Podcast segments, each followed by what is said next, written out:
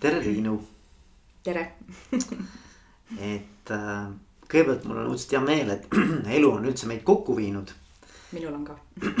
et äh,, et me oleme sinuga äh, elanud ja toimetanud suht sarnastes maailmades. vähemalt ütleme siis nagu sellised äh, raamistikud ja huvid on, on sarnased, vähemalt me oleme leidnud sihukest nagu ühisosa palju.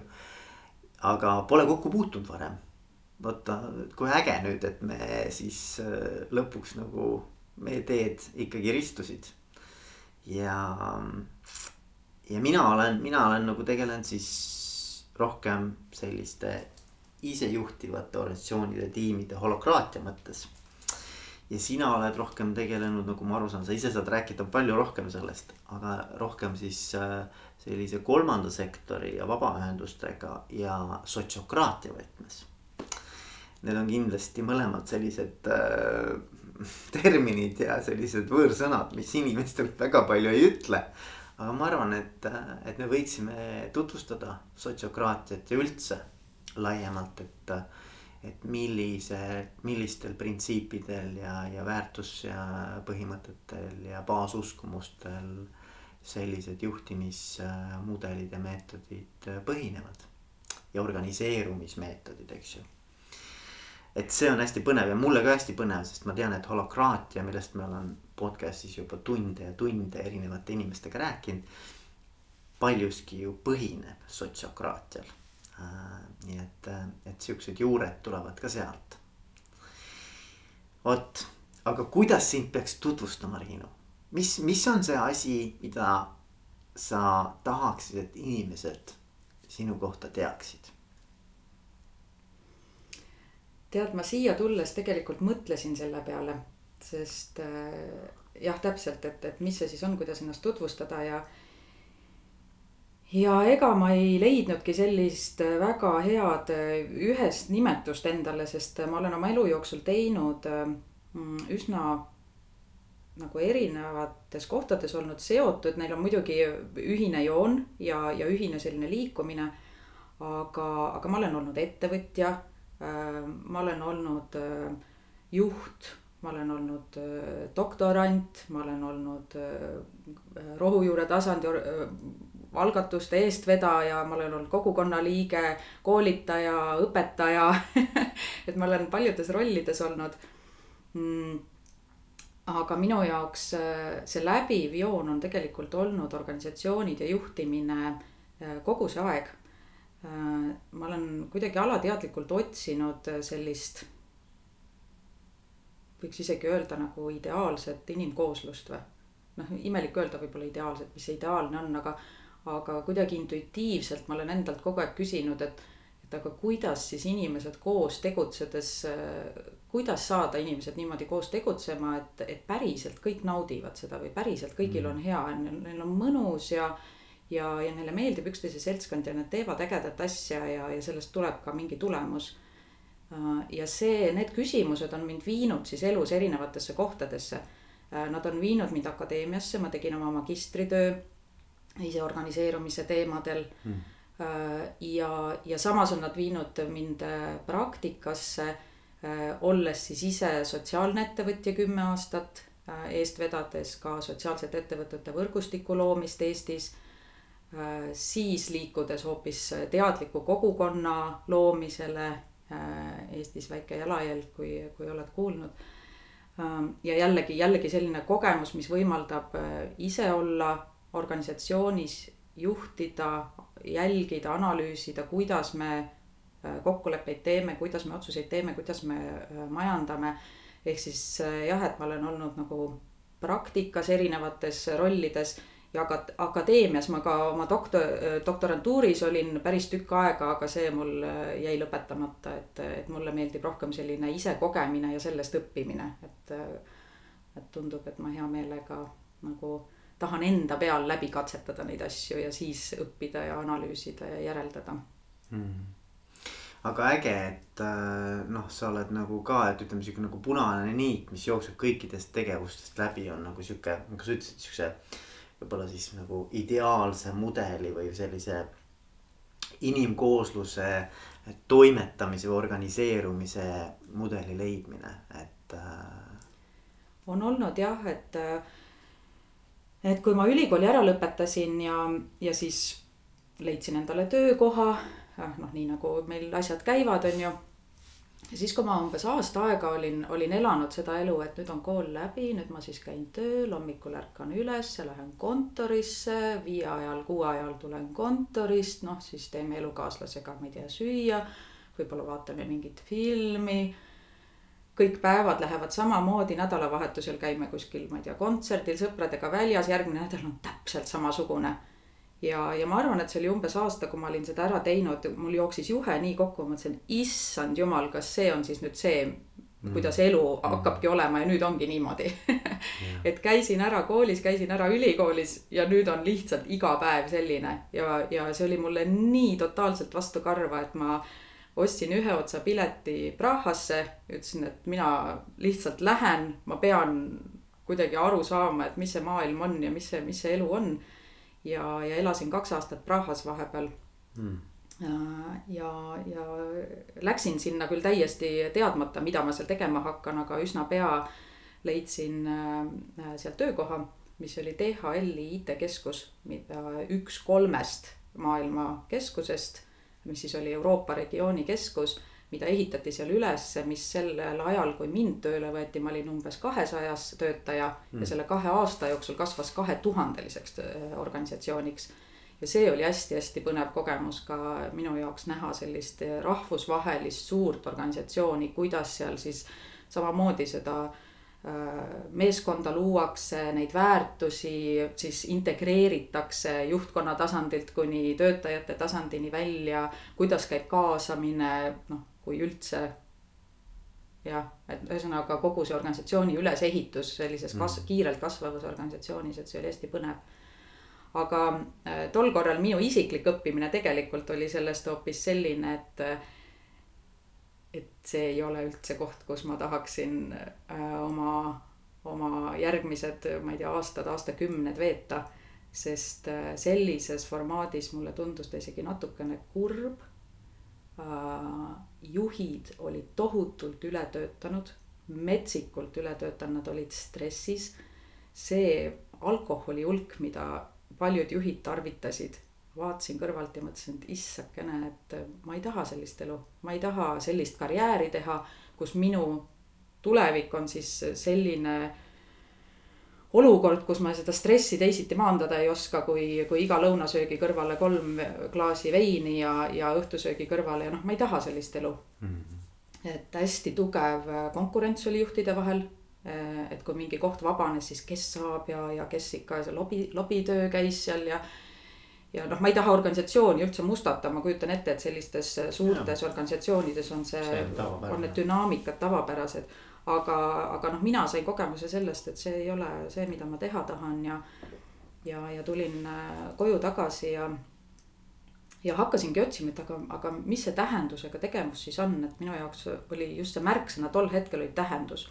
et, äh, et mis asi on see, mis annab elule tähenduse ja, ja, ja mis on need tegevused, kus ma tunnen, et see, mida ma teen, sellel on tähendus ja ma jõudsin oma magistritöö tegemise äh, raames sotsiaalse ettevõtteni, sotsiaalse ettevõtluseni kui mõisteni ja sotsiaalse innovatsioonini ja see oli minu jaoks tol hetkel täiesti silmi avav äh, kogemus. aga räägi natuke, mis, mis, mis see, sest ma arvan, et äh, isegi kui inimesed tegelikult on neid kõlavaid termineid kuulnud ja mingi ettekujutus tuleb ka, mingi assotsiatsioon, eks ole, kohe tekib mm. -hmm nad ei pruugi tegelikult, me, me ei pruugi teada, mis asi see on, et võib-olla on hea avada natukene seda poolt ka kuulajatele mm. -hmm. et sotsiaalsed ettevõtted on siis sellised organisatsioonid, mis on justkui oma olemuselt sellise ärisektori ja vabaühenduste vahepeal. sest äh, nende põhiolemus on ühiskondliku positiivse mõju loomine ehk siis selline visioonikas, positiivne eesmärk, mis on nende kese, miks nad on üldse loodud, mille pärast nad eksisteerivad aga see, kuidas nüüd neid eesmärke ellu viia, selle jaoks kasutatakse ettevõtlusmudelit. mitte traditsioonilist vabaühenduste mudelit, kus siis oleks erinevad projektirahastused, annetused, äh, programmid, heategevus. Äh, aga just ettevõtlusmudel ehk siis oma toode või teenus, mida müüakse ja samas äh, ühiskondliku heaolu nimel nii et juriidiliselt Eestis on nad äh, suures enamuses siiski vabaühendused, MTÜ-d ja okay. sihtasutused mm. -hmm. Aga, aga neil on siis jah juures see, et, et äh, see, kuidas igapäevaselt majandatakse, on toote või teenuse müük. aga mulle meeldiks, Riinu, mõelda nii, et miks ei võiks kõik nagu täna nii-öelda äriettevõtted olla ka sotsiaalsed ettevõtted? Äh, kui ma sotsiaalse ettevõtlusega alustasin, siis ma mõtlesin ka niimoodi tõepoolest Äh, aga aja jooksul sellega rohkem tegeledes ja süvenedes äh, ma kõigepealt alustasin ise oma sotsiaalse ettevõtte Tagurpidi Lavka. Mm, ma kutsusin kokku kakskümmend sõpra, ütlesin, et teeme midagi ägedat, teeme midagi tähenduslikku ja niimoodi, et see oleks isemajandav. ehk siis ongi sotsiaalne ettevõte ja, ja siis me koos mõtlesime välja sellise äh, tegevuskava või noh, raamistiku, et toome kohalike talunike kaupa Tallinnasse ja siis tellimuse peale niimoodi, et mm. tõesti täiesti värske kraam peenramaalt, põllult. Ma ei tea, eile tehtud jogurt, hommikul lüpstud piim, noh kuni selleni välja, et hästi värske, puhas maatoit mm. -hmm. ja, ja, ja täitsa kümme aastat tegutsesime ja tõime sellist äh, talunike kaupa Tallinnasse, et pakkusime talunikele, väiketalunikele võimaluse siis turustada sest äh, neil väga keeruline on sellise, sellise kaubaga leida turustamisvõimalusi. Ja, ja siis äh, lisaks sellele sotsiaalse ettevõtte tegevusele äh, asutasime ka sotsiaalsete ettevõtete võrgustiku, ehk siis Eestis laiemalt vaatasime ringi, et selliseid organisatsioone on ju veel ja, ja kuna tõesti need sotsiaalsed ettevõtted on nagu juriidiliselt kahe sektori vahepeal, siis seal on tegelikult terve rida selliseid teemasid, mis vajaksid selgitamist, et et a la milliseid toetusmeetmeid on vaja sellisele tegevusmudelile ja, ja milliseid investeeringuid ja, ja nii edasi. Nii et, et see võrgustik sai ka loodud jah, selle eesmärgiga, et oleks selline kandepind või, või eestkostev nagu organisatsioon vahepeal, kes siis äh, neid teemasid esile tõstab ja lahendab Eestis ja see võrgustik toimib ka siiamaani, mina olen sealt nüüd äh, eemaldunud juba mm, -hmm. juba tükk aega, aga, aga need täitsa toimivad aga miks sa arvad siis, et ei, miks, miks sul see muutus, see arusaamine? Et äh, kõik, kõik ettevõtted ei võiks olla sotsiaalse missiooniga? võib-olla üks, äh, seal on, seal on mitu põhjust, aga üks võib-olla selline äh, konkreetne nüanss, mis on ka hästi huvitav sotsiaalse ettevõtluse puhul märgata.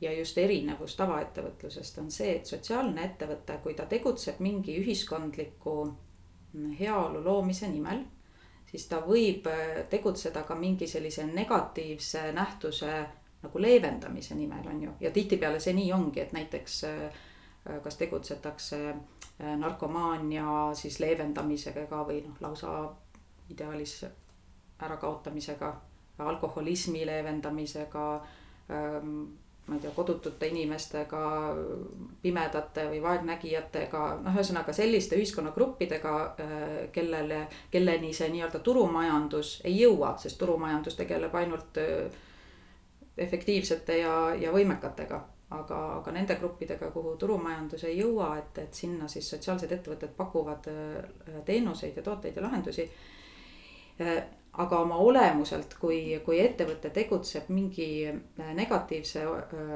aspekti ärakaotamiseks, ta tegeleb, tegelikult sisuliselt tegeleb ka iseenda ärakaotamisega. ehk siis, kui ta on selle probleemi ära leevendanud, siis teda ennast enam ei ole vaja. ja see on nii teistmoodi arusaam, nii teistmoodi mõtlemine, mitte ükski äriettevõte ei loo ennast selleks, et ennast ühel hetkel ära kaotada. täiesti risti vastupidi kõik äriettevõtted tahavad võimalikult kaua, võimalikult palju, võimalikult suurelt, võimalikult kiiresti mm.. see on see mõttemaailm, mida me äris, ärisektoris näeme mm.. kiiresti üle piiri eksportima, skaleerima, noh, mida suurem, seda parem. Äh, aga sotsiaalses ettevõtluses see ei ole eesmärk üldse omaette, sest eesmärk on luua positiivset mõju. ja kui see positiivne mõju on loodud ja see on püsiv, siis sellel organisatsioonil sellisel kujul ei ole enam vajadust ja see on täiesti okei okay., siis, siis liiguvad mm. need inimesed juba järgmise tegevuse juurde, et me ei pea kinni hoidma äh, põhimõttest, et miski peab igavesti kestma mm.. ja see on mm., see on mõtteviisi nihe, mis, mis äh, noh, mis toimub sellises mm. äh, nagu maailmas, et sellepärast ma ütlen ka, et kõik organisatsioonid ei pea seda tegema, sellepärast et, et võib-olla on mõni teenus või toode, mis, mis ikkagi on heakojas, kestab, et ta ei mm, -hmm. ta ei mhm. ole mõeldud selleks, et ta, et, et, teda enam vaja ei ole ei, ma mõtlen ükskõik näiteks, et kui me võtame kasvõi näiteks teraapia või võtame mingisugused, ma ei tea. tervishoiuteenused, eks ole, et noh, ilmselgelt me tahaks -hmm. et neid ei oleks vaja mm, -hmm. aga noh kui sa õpid terapeudiks, siis noh, paratamatult sa tead, et see on lõputu töö mm.. et noh, selles mõttes ma arvan, et see on nagu sihuke, et, et, et noh, seda kaotada nagu sada protsenti, see võib muutuda, see võib muutuda ajas, eks ole mm, -hmm. mis on need haigused või mis on need, ma ei tea, teemad, millega tullakse teraapiasse mm. -hmm. aga noh, ikkagi mm. -hmm. ma arvan, et need on ajatud nagu, ajatud nii-öelda rollid või, või, või vajadused, eks ju jah, ähm, paljud neist on, aga, aga noh, see mõtteviis ikkagi, et, et ma olen siin selleks, et teenida seda vajadust, mis praegu on ja ma olen valmis selleks, et see vajadus äh, muutub või et, et minu roll nagu väheneb.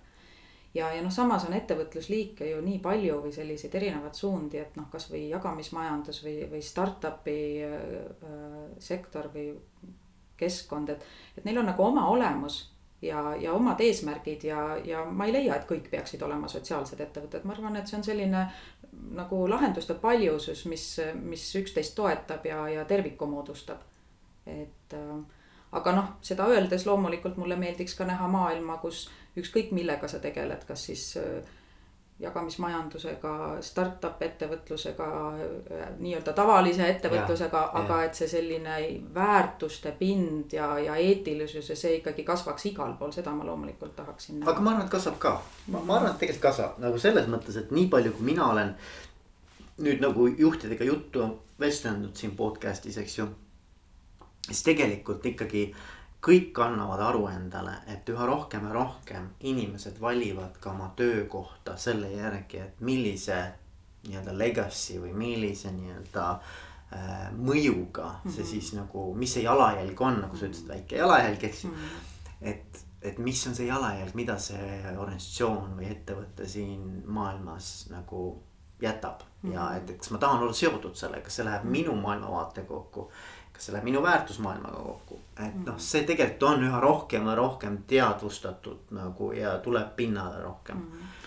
jah äh,, inimeste teadlikkus nii äh, töövõtjana, teadlikkus tarbijana, teadlikkus iseenda elu juhtijana, teadlikkus juhina äh,. et see on tõesti äh, näha, kuidas ta, ta muutub ja positiivses suunas viimastel aegadel päris tugevasti ja ja, ja see annab lootust küll, et. ma, ma olen küll optimist, ma olen väga suur optimist. ja isegi on mõned juhid tegelikult äh,. kui ma küsin nende käest, et millal sa tunned, et sa oled edukas juht, eks ju.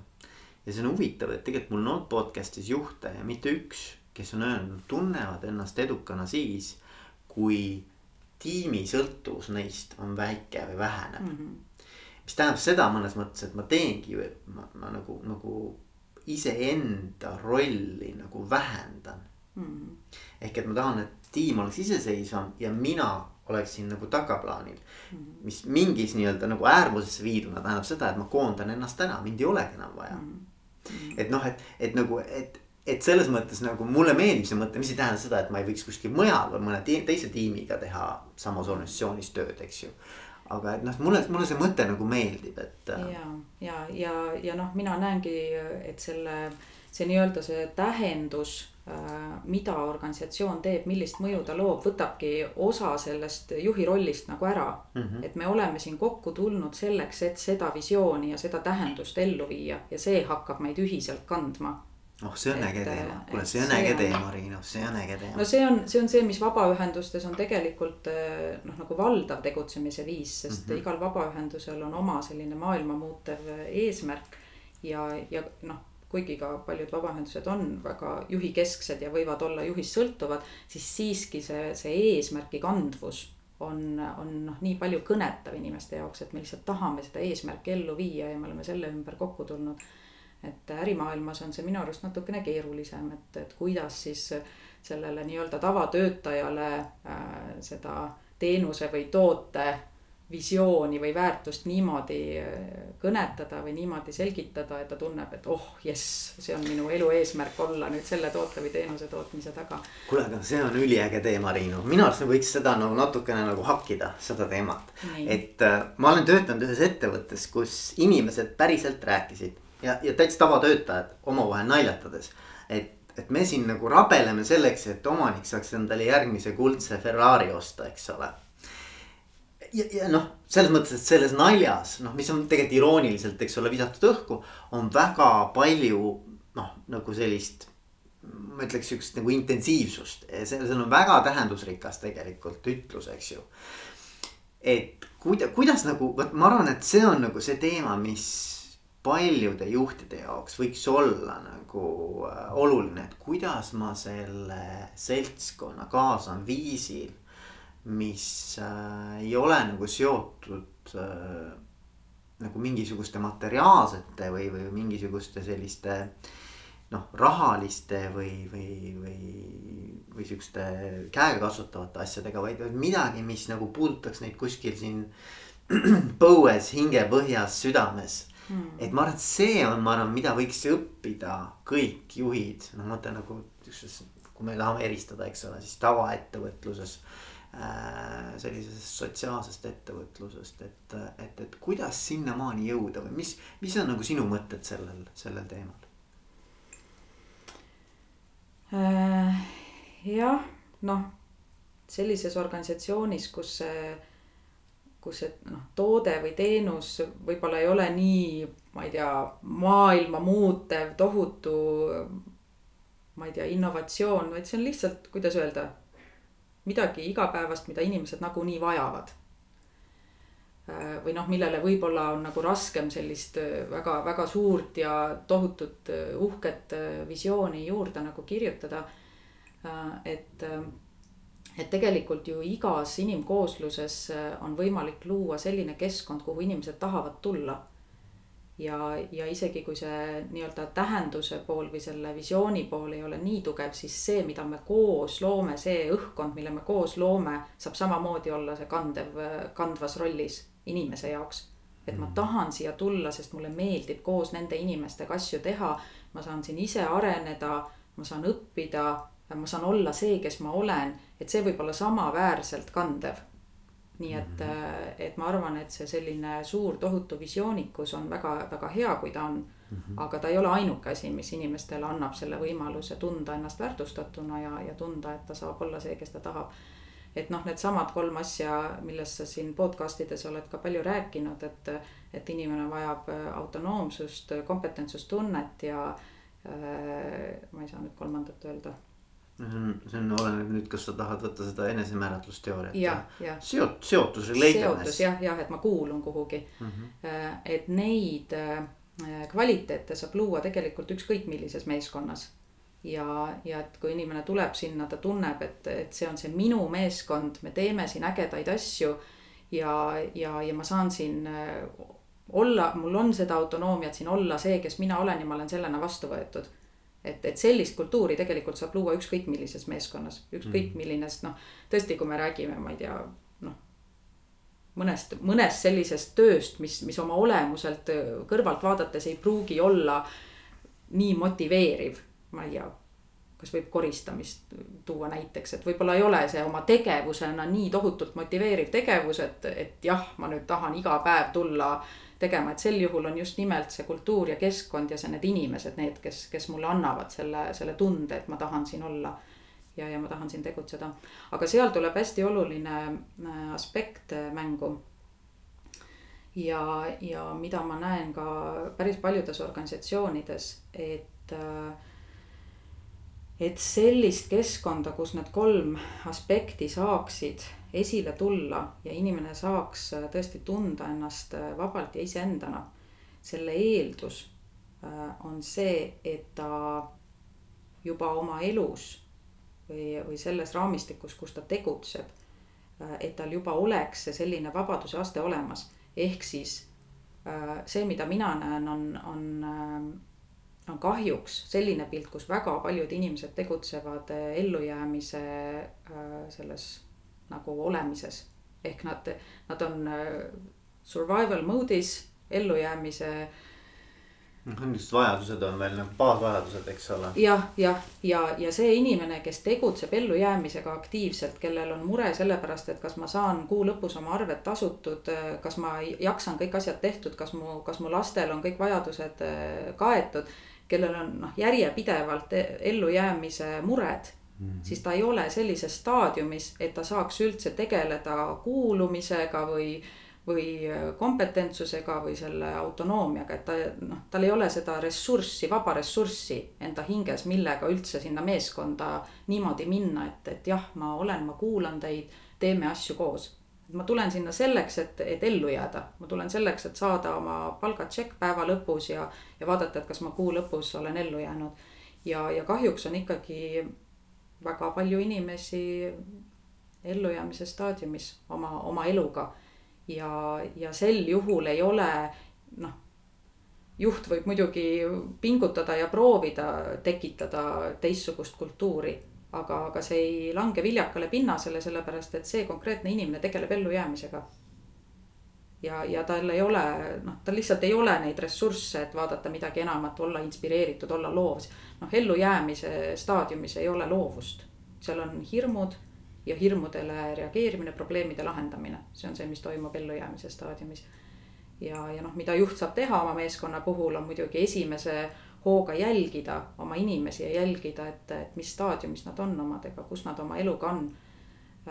Et, et mitte oodata inimeselt loovust ja kaasatust ja aktiivseid ideid ja inspiratsiooni. kui, kui tema reaalsus on see, et mul on tegelikult kogu aeg mure ja hirm Mm -hmm. ja, ja noh, meie ühiskonnas on, on see ikkagi hästi tavapärane, et inimestel on mure ja hirm, sest noh, me elame laenuühiskonnas. tohutult suured laenud on inimestel kaelas ja, ja need on vaja ju ära maksta ja, ja kõik, mis majandusega toimub ja noh, ühesõnaga kõik need eh, haiguspuhangud ja sõjad ja, ja see lisavad veel omakorda ärevust ja hirmu juurde, et et kas on üldse mõistlik oodata inimestelt inspiratsiooni ja loovust, kui, kui nende igapäev on äh, ellujäämise äh, nimel pühendatud. et äh,. ja, ma, ma ise mõtlen, mul tuli kohe nagu kuidagi silme ette, et ma kunagi uurisin mm, äh, positiivset psühholoogiat. noh, see selline noh, ta ei ole enam uus suund, aga, aga suhteliselt ikkagi tänapäevane psühholoogia suund, eks ju ja mind hakkas huvitama, et, et millised rahvad siis nagu või kus siis on inimesed kõige õnnelikumad, eks, eks ju. ja mis mind tegelikult üllatas, oli see, et see ei ole seotud majandusliku heaoluga. Kuigi loomulikult seal on mingisugune noh, nii-öelda baastase peab olema, eks ju, loomulikult, kui sa oled nagu surmahirmul või sul on mingi kriis, et siis noh, see, see on mingi muud staadium, kus sa oled, eks ole, aga. see on huvitav, et näiteks, et kui ma ei eksi, siis see oli Costa Rica vist kus olid nagu kõige õnnelikumad inimesed maailmas, vähemalt mingi aeg. siis ma mõtlesin, et aga see ei ole kindlasti kõige nagu rikkam riik või kõige majanduslikult nagu õitsevam riik. et äh, see natukene vist ikkagi oleneb sellest ka, et noh, mis selline, mis su nagu mindset on või et nagu, et milline on su nagu outlook elule ja, ja kuidas sa üldse asju vaatad, eks ju. et, et, et ma arvan, et see kuidagi noh, ma ei tea, mis need seosed seal on, aga mulle tundub, et nagu see on natukene ka äh, sellisest äh, vaatevinklist või, või inimese nagu üldse sellisest äh, optimismi tasemest ja, ja sellisest nii-öelda perspektiivist sõltuv. ja mina selline akadeemiline uurija ei ole. et, et nüüd öelda, mis põhjustab mida ja tõestatult aga, aga näiteks noh, ma õpetan majandust äh, äh, gümnaasiumi noortele ka ja, ja, ja ma igal aastal näitan gümnaasiumi noortele ühte filmi. ja see on äh, Maailmakooli kodulehel Mondo MTÜ poolt pandud, aitäh neile, et sellised toredad materjalid on saadaval. ja see on film kahest riigist, mis on maailma kõige rikkam riik ehk Norra ja maailma kõige vaesem riik, riik ehk Niger Aafrikas. Ja, ja seal filmis on siis ühte ja teist, ühe ja teise riigi inimesi intervjueeritud, nii koolilapsi kui täiskasvanuid. ja küsitud erinevaid küsimusi ja see on nii huvitav äh, kontrast, kuidas näha, et jah, selles riigis, kus on väga tugev heaoluriik, kus on riigi poolt äh, kõik teenused, kõik abipaketid, kõik äh, toetused, kõik on olemas. ja, ja inimesed ütlevadki, et nad ongi väga tänulikud ja, ja see ongi väga hea. Aga samas on inimesed depressioonis, mures, kõrge enesetappude tase ja, ja vaimne tervis on väga kehv ja, ja siis on sealsamas äh, filmis äh, pildid Nigerist, kus puudub igasugune selline avalik teenus põhimõtteliselt, et äh, ainult rikkad saavad oma lapsi koolitada, sest kool on tasuline, et noh, sotsiaalhoolekanne puudub. ja, ja inimesed on hästi vaesed ja kõik, kellega räägitakse, nad on nii rõõmsad nad naeravad selle üle, kui vaesed, noh, ma ei mõtle halvas mõttes, lihtsalt nad, nad on rõõmsad, nad teavad, et nad on vaesed, aga nad on rõõmsad. ja, ja seal on näha, et see eluviis on kogukondlik eluviis, kus mm. noh, nad ongi koos äh, jah, ja, ja sa lihtsalt näed näost, et aga, aga need inimesed on rõõmsad ja, ja noh, jällegi ma ei, ma ei saa teha siin ühesuunalisi järeldusi või, või öelda, et mis on mis aga, aga see paneb igal juhul mõtlema, sest, sest mis siit sisse tuleb, on, on vastutuse teema. ja, ja mis sellistes heaoluriikides, kus jah, tõepoolest inimese eest hoolitsetakse, tal on need teenused olemas, avalikud, tal on need toetused olemas aga mis selle mündi teine pool on see, et talt lõigatakse ära vajadus olla kogukonna liige sest kui varem oli kogukond see, kes pakkus neid, äh, sellist tuge inimestele, et, et kui kogukonnas siis ma ei tea, keegi jääb äh, juba vanaks ja võib-olla haigeks ja vajab abi, siis kogukond organiseerub niimoodi, et tema eest hoolitsetakse. kogukond organiseerub selleks, et, et inimese eest hoolitsetakse kogu tema elukaare jooksul. Ja see on loomulik, see on loomulik osa meie elust Äh, ja kui see nüüd ära võetakse, siis inimesel ei ole vaja enam kogukondlikke suhteid, tal ei ole vaja enam naabriga suhelda, tal ei ole vaja enam äh, ma ei tea, üleaedsega või, või küla inimesega suhelda. sest mida iganes ta vajab, tal on kas avalik teenus või erateenus.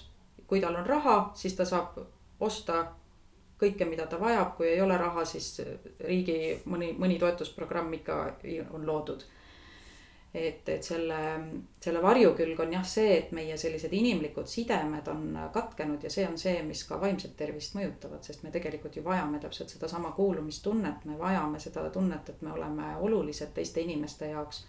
ja, ja teised on, et olemas meie jaoks, et toetada ja, ja see viib tegelikult sellise vaimse mandumiseni ja ka ühiskondliku jätkusuutmatuseni sellepärast et, et sellises ühiskonnas, kus inimesed on üksteistest ära lõigatud, kus neil on, kus neil ei ole enam oskusi äh, teha koostööd ja, ja olla ühiselt selline äh, lahendusi leidev kogukond.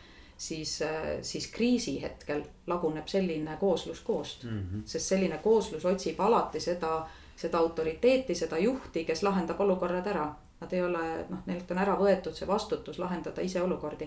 ja jällegi ma ei, ma ei räägi siin mustast ja valgest, et nüüd ma ei tea, riiki või teenuseid ei tohiks olla, üldse mitte seda.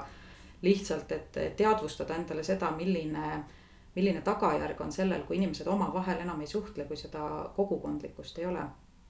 ja tegelikult on see otseselt seotud ka selle ühistarkuse teemaga, millest me räägime ju organisatsioonide võtmes, nii sotsiokraatia kui holakraatia ehk siis me räägime dünaamikast, kus inimestele antakse tagasi vastutus. et ei ole seda juhti, kes vastutab, otsustab, ütleb, mida teha ja, ja tegeleb tagajärgedega.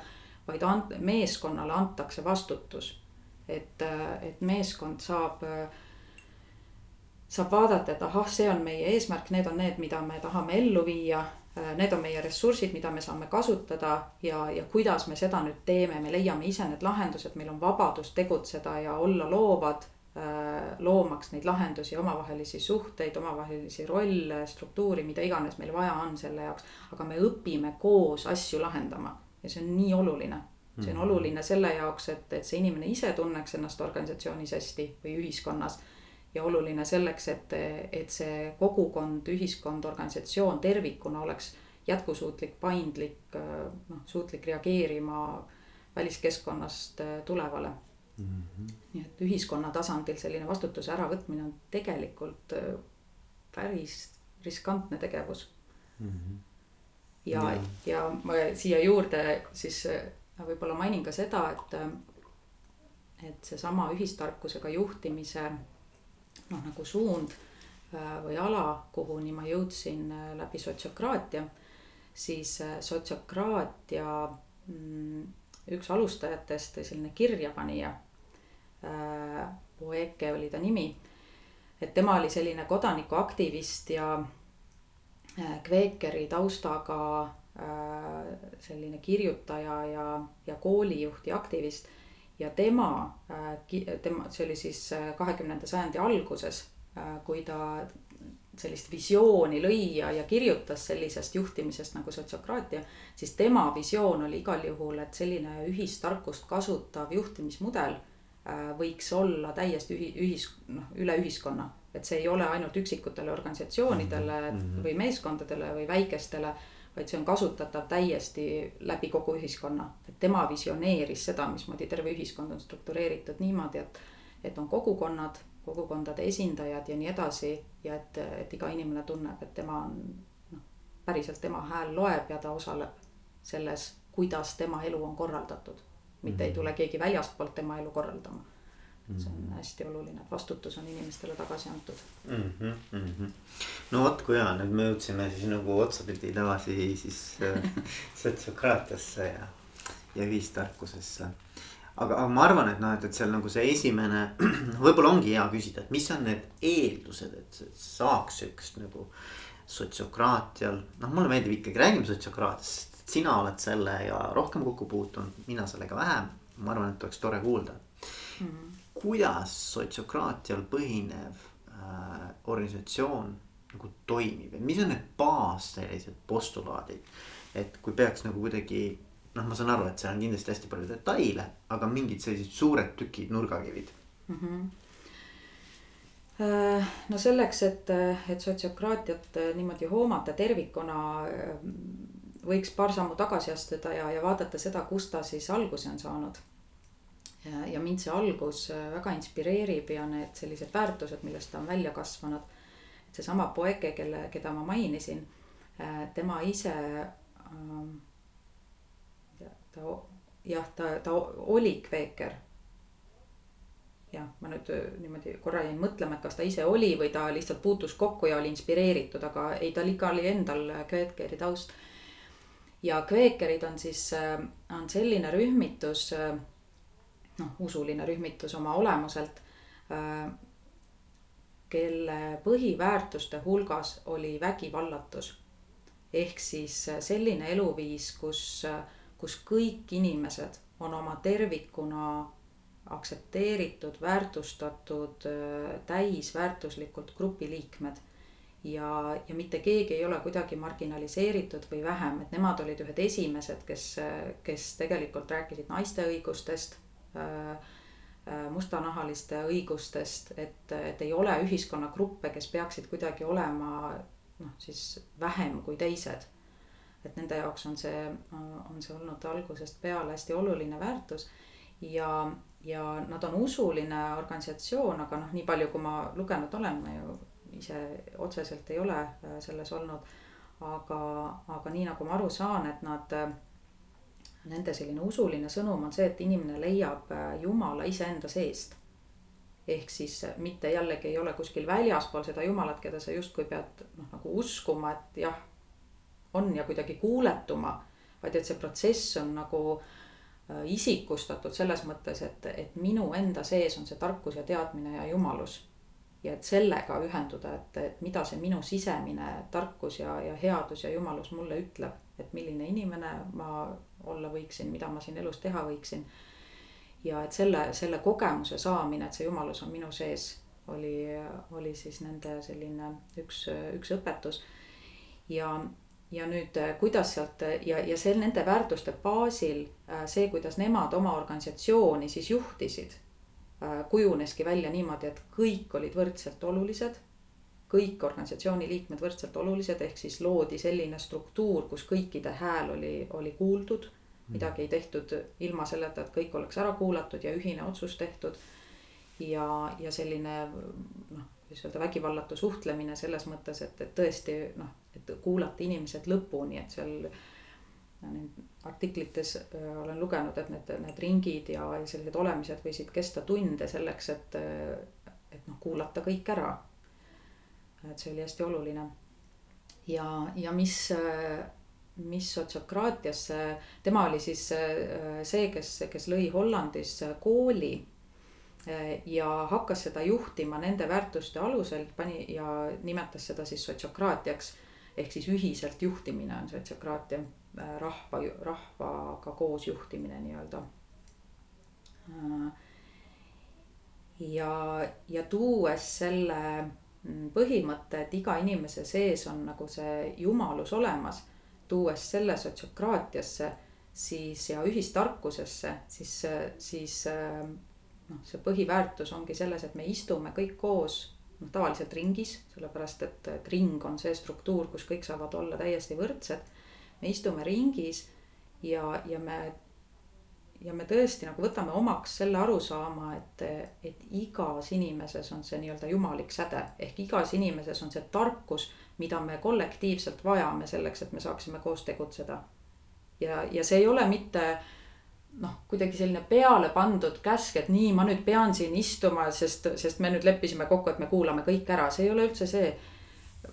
Noh, ta võib alguses olla see, kuna, kuna võib-olla natuke võõras alguses niimoodi nagu oma mõtteid seada, aga. aga noh, ma olen ise selle protsessi läbi teinud, olles äh, kogukonnas kuus aastat setsekraatiat äh, praktiseerinud ja ma noh, enda peal võin öelda või tunnetada, et see on tõesti nagu mõtteviisi muutus, et, et kui ma alguses võib-olla istusin selles ringis ja, ja sees oli selline nagu kannatamatus, et noh, rääkige nüüd juba lõpuni ära ja, ja meil läheb nii kaua aega, kui me kõiki peame kuulama ja tahaks juba otsust teha ja, ja noh, selline öö, kiire otsuse vajadus tekitas kannatamatuse tunnet. siis aja jooksul, mida rohkem ma nendes ringides istusin, noh, mu meel rahunes ja ma sain aru, et noh, milles see nagu see tõeline pärl ja see väärtus ongi selles et kui ma näen igat inimest sellise jumaliku sädemena ja ma päriselt väärtustan seda, et ta toob lauale midagi sellist, mida mina ei näinud. Et mulle alguses võis see tunduda, et ahah, ta lihtsalt sogab vett ja nüüd on veel keerulisem otsus teha, aga tegelikult ei ole niimoodi, tegelikult iga inimese arvamus. eriti kui ta on erinev sellest, mida grupp arvab, annab äh, mitmekesisema pildi sellest, noh, mida me siin teeme, miks me teeme, kuidas me teeme. ja, ja see on nii teretulnud sest äh, me õpime üksteise pealt, me laiendame oma maailmavaadet sellega, oma võimet mõista inimesi. Ja, ja see on tõesti noh, nii väärtuslik kogemus mm. -hmm. Ja. et, et jah, see, see aluspõhimõte siis, et igas inimeses on see säde, mida me vajame selleks, et koos tegutseda. ja see on siis sotsiokraatia üks selline nagu kõige. aluspõhimõtteid. aluspõhimõtteid. no ma siia kõrvale lihtsalt toon nagu selle holakraatia nagu mulle, mulle mingi asi seostus kohe. et, et vaata see holakraatia nagu vähemalt ütleme, kuidas Brian Robertson seda selgitab, on siis see, et, et miks iga inimese hääl on oluline. ta ei räägi nagu sellisest mingisugusest äh, jumalikust sädemest, aga ta räägib sellest, et iga inimene on nagu tun-, tun-, nagu tunne, tunda, tundlad, tun-, kuidas see tunne, kuidas sa, kuidas sa ütled seda?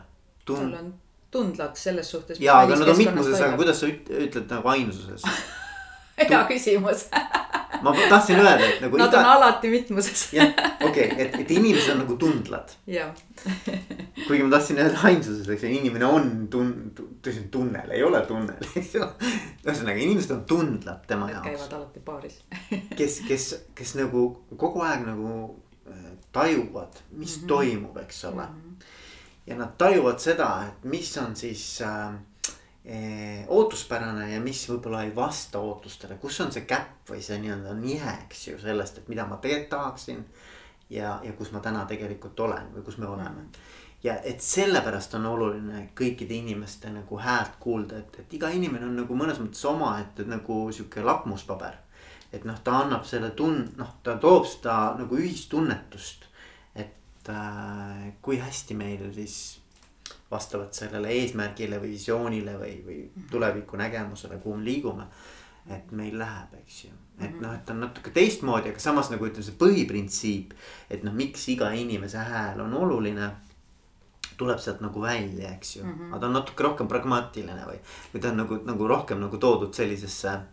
noh, nii-öelda nagu, nagu äh, jah, et nagu, et, et siukse vajalikkus nagu igapäevane vajalikkus, miks ma kuulama peaksin inimesi, eks ju jah, nii palju, kui ma holakraatiat tunnen ja ma tegelikult ei tunne holakraatiat äh, liiga detailselt, siis mulle tundub, et, et ta on äh, tugevalt baseerub sotsiokraatiale, aga astub äh, selles mõttes sammu edasi või sammu nagu sellise. kuidas öelda, äri, äriühingute mõtlemise suunas, et teha seda nagu omasemaks ja mugavamaks äriühingutele, kes on harjunud olema kiired, efektiivsed, konkreetsed ja pakub siis töövahendeid sellesse maailma. ja, ja see on täiesti okei okay ja vajalik ja väga hea. Ähm, kui, kui rääkida nüüd sellisest äh, nagu kultuuri loomisest, nagu me enne ütlesime, et, et kui ma tahan luua kultuuri, kus inimesed tunnevad ennast äh, hästi ja vabalt ja loovalt ja inspireeritult, siis, äh, siis vähemalt kogukondade juhtimises öeldakse selle puhul, et, et tegelikult on vaja luua ikkagi sellist ruumi, mis ei ole liiga ära struktureeritud, et ei ole, ei ole päris see, et nii, praegu me oleme siin, sinna me tahame minna, noh, et selline, mis me nüüd teeme, et sinna minna. et, et sellist raamistikku mitte anda, vaid, vaid just luua selliseid ruume äh, kus, kus inimeste sees saab tulla see, mis nende jaoks hetkel on oluline ja et need selline nii-öelda sotsiaalne kapital või selline võrgustumine ja lõimumine inimeste omavahel hakkaks toimuma, et seda on, seda on raske nagu suunata, see peab toimuma kuidagi integraalselt ja loomulikult seal kohapeal. ja, ja noh, äriorganisatsioonides ja, ja paljudes organisatsioonides on sellise ruumi loomine keeruline juba lihtsalt sellepärast, et, et kogu aeg on ju kiire, kogu aeg on ju vaja e-, eesmärke täita ja tööd teha ja, ja kiire. aga kui me päriselt tahame luua äh, sellist võrgustikku inimeste vahel, kus, kus inimene tunneb end turvaliselt ja ta usaldab seda gruppi ja ja tema loovus läheb lahti, siis on vaja lihtsalt luua need ruumid, mis ei ole liiga ära struktureeritud, kus saab toimuda dialoog. Need, seesama avatud dialoog, millest te Dagmariga rääkisite. et, et inimesed saavad hakata rääkima sellest, mis neile on oluline. mitte, et neile on ette antud, et me räägime täna sellest ja me peame nende eesmärkidena jõudma, vaid rääkida sellest, mis neile on oluline noh, tegelikult ega siis holakraatias ei ole kunagi päevakorda paika pandud päevakord tekib sellest, mis siis parasjagu igal inimesel seal sel hetkel üles tuleb mm. -hmm. et ta võib iga hetk öelda kohtumisel, nõu, nõupidamisel, et mul on nüüd see teema, mida ma tahan ka panna agendasse mm. -hmm. et noh, selles mõttes ta, ta luuakse seal kohapeal, et see ei ole ette antud, et mis, millest me täna räägime. et see on iga inim-, see ongi see, mida ta küsib enda käest, et oota, et mida mul tegelikult vaja on selleks, et ma saaksin oma rolli parimal moel täita mm. -hmm. ja sealt tekib see agenda mm. -hmm. et noh, et ta päris nii noh, ma pidin seda ütlema, kuna see ei ole noh korrektne päris, et mis, mis sa ütled, et ta ei ole ette antud. et see tekib seal kohapeal äh, jaa, aga samas ta on ikkagi nagu eesmärgistatud äh, tegevus, et meil on see koosolek siin teatud ajaraamis, äh, teatud noh, nagu ja, võimalikkusega ja, ja siis me tahame edasi liikuda, et et need on, ma näen neid nagu kahte eraldi protsessi, et selliste efektiivsete töökoosolekute loomine, milleks on sotsiokraatias ja kindlasti holakraatias ka väga head ja toimivad töövahendid. Ja see on hästi oluline Mm -hmm. sest no jeerum, kui palju ma olen istunud koosolekutel, millel ei ole eesmärki, ei ole struktuuri ja ei ole tulemust ja, ja, ja. siis tuled ära ja mõtled, oo jeerum, miks ma selle kaks tundi ja, sel, sinna nõus, panin. nii et sotsiokraatia pakub väga efektiivseid ja ma noh, väga tõesti naudin neid, neid struktuure ja meetodeid koosolekute läbiviimiseks või nagu töö tegemiseks koos. aga siis paralleelselt on vot seesama see kultuuri loomine, inimestevaheliste sidemete loomine, et ma näen neid natukene nagu eraldi, sest. sest see kultuuri loomine vajab nagu natuke avaramat ruumi ja mitte nii palju nagu ajalisi piiranguid ka. et, et inimesed päriselt saaksid nagu aega veeta koos ja olla ja noh, see on ilmselt see, mida siis nagu tehakse suvepäevadel ja sellistel üritustel on ju, aga et ta on hästi, ta on hästi oluline, kui me räägime, et, et tekiks see selline grupitunnetus, mis võib-olla osadel inimestel, kes, kes tõesti on oma sellises ellujäämise staadiumis et nad saaksid ka natukene turvalisemalt ennast tunda, et, et noh, mul on mingi tugigrupp, mul on mingid inimesed, kellega ma saan tunda ennast turvaliselt ja natuke mm. lõdvestuda mm.. et, et mõlemad on hästi olulised, mulle tundub. aga kui me nüüd tuleme sotsiokraatia juurde tagasi ja võtame selle, et üks, üks pool oli siis, mulle väga meeldis, kuidas sa nagu seletasid, et, et kust tuleb see eh, nii-öelda see see nii-öelda inimese enda sissevaatamine ja, ja enda usaldamine ka, eks ole, et, et noh, et ei ole, et keegi ütleb sulle, vaid et, et tegelikult sinus on kõik olemas. et noh, mulle meeldib see coaching us on samamoodi, sama põhimõte mm. -hmm. et kõik vastused on tegelikult sinu sees olemas mm, -hmm. et mulle väga-väga see mõtteviis nagu sümpatiseerib. mis veel on sotsiokraatias sellised nagu alustalad mm? -hmm. kui nüüd jah, edasi minna sellistest põhiväärtustest siis äh, sotsiokraatial on kolm alustala. Äh, esimene neist on otsustamine nõusoleku põhimõttel. ja, ja see on ka selline mõtteviisi nihe natukene, sest äh, nõusolek sotsiokraatia mõttes ei tähenda seda, et kui me oleme siin otsust tegemas parasjagu ja mult küsitakse, kas ma olen otsusega nõus või selle ettepanekuga siis, et kas ma olen ettepanekuga nõus siis äh, nõusolek ei tähenda seda, et ma arvan, et see ettepanek on kõige parem üldse ja, ja suurepärane ja nii peabki olema. nõusolek äh, sisaldab endas nii seda, et jah, ma arvan, et see on kõige parem lahendus, kui ka seda, et noh, võib-olla see ei ole kõige parem lahendus, aga ta on tegelikult ka täitsa okei okay. mm. -hmm. ehk siis äh, kirjeldatakse sellist nii-öelda äh, sallivuse piiri, range of tolerance ei ole nagu häid, häid eestikeelseid termineid veel. Äh, mille raames ma võin öelda, et, et jah, ma olen valmis äh, kaasa lööma, see on piisavalt hea, et sellega edasi minna.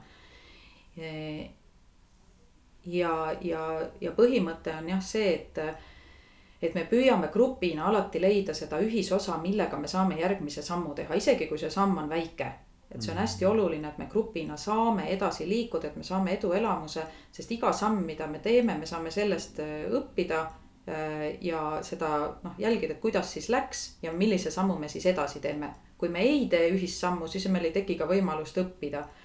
nii et, äh, et igal juhul püütakse leida seda ühisosa, millega me saame edasi minna, kasvõi üks nädal või kaks nädalat või, või kuu aega, aga teeme mingi otsuse ja katsetame et sotsiokraatias hästi julgustatakse sellist äh, katsetamist ja sellest õppimist äh, protsessi, et mitte karta teha otsuseid, mis ei ole ideaalsed mm. -hmm. ja, ja see on tõesti mõtlemise nihe, sest nagu ma ütlesin, ma olen kuus aastat sotsiokraatilises organisatsioonis tegutsenud ja ma enda peal tunnen ka, mismoodi see.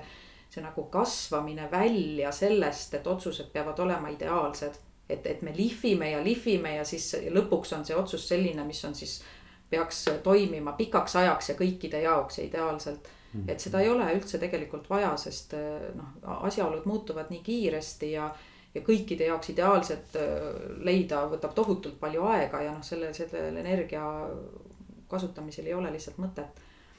nii et, eh, et jah, rahuneda sellesse, et see on täiesti okei okay teha selliseid okei okay otsuseid mõneks ajaks ja sellest õppida mm. -hmm. ja, ja seda grupina vastu võtta et, et see on olnud sihuke väga huvitav nagu sisemine kasvamine.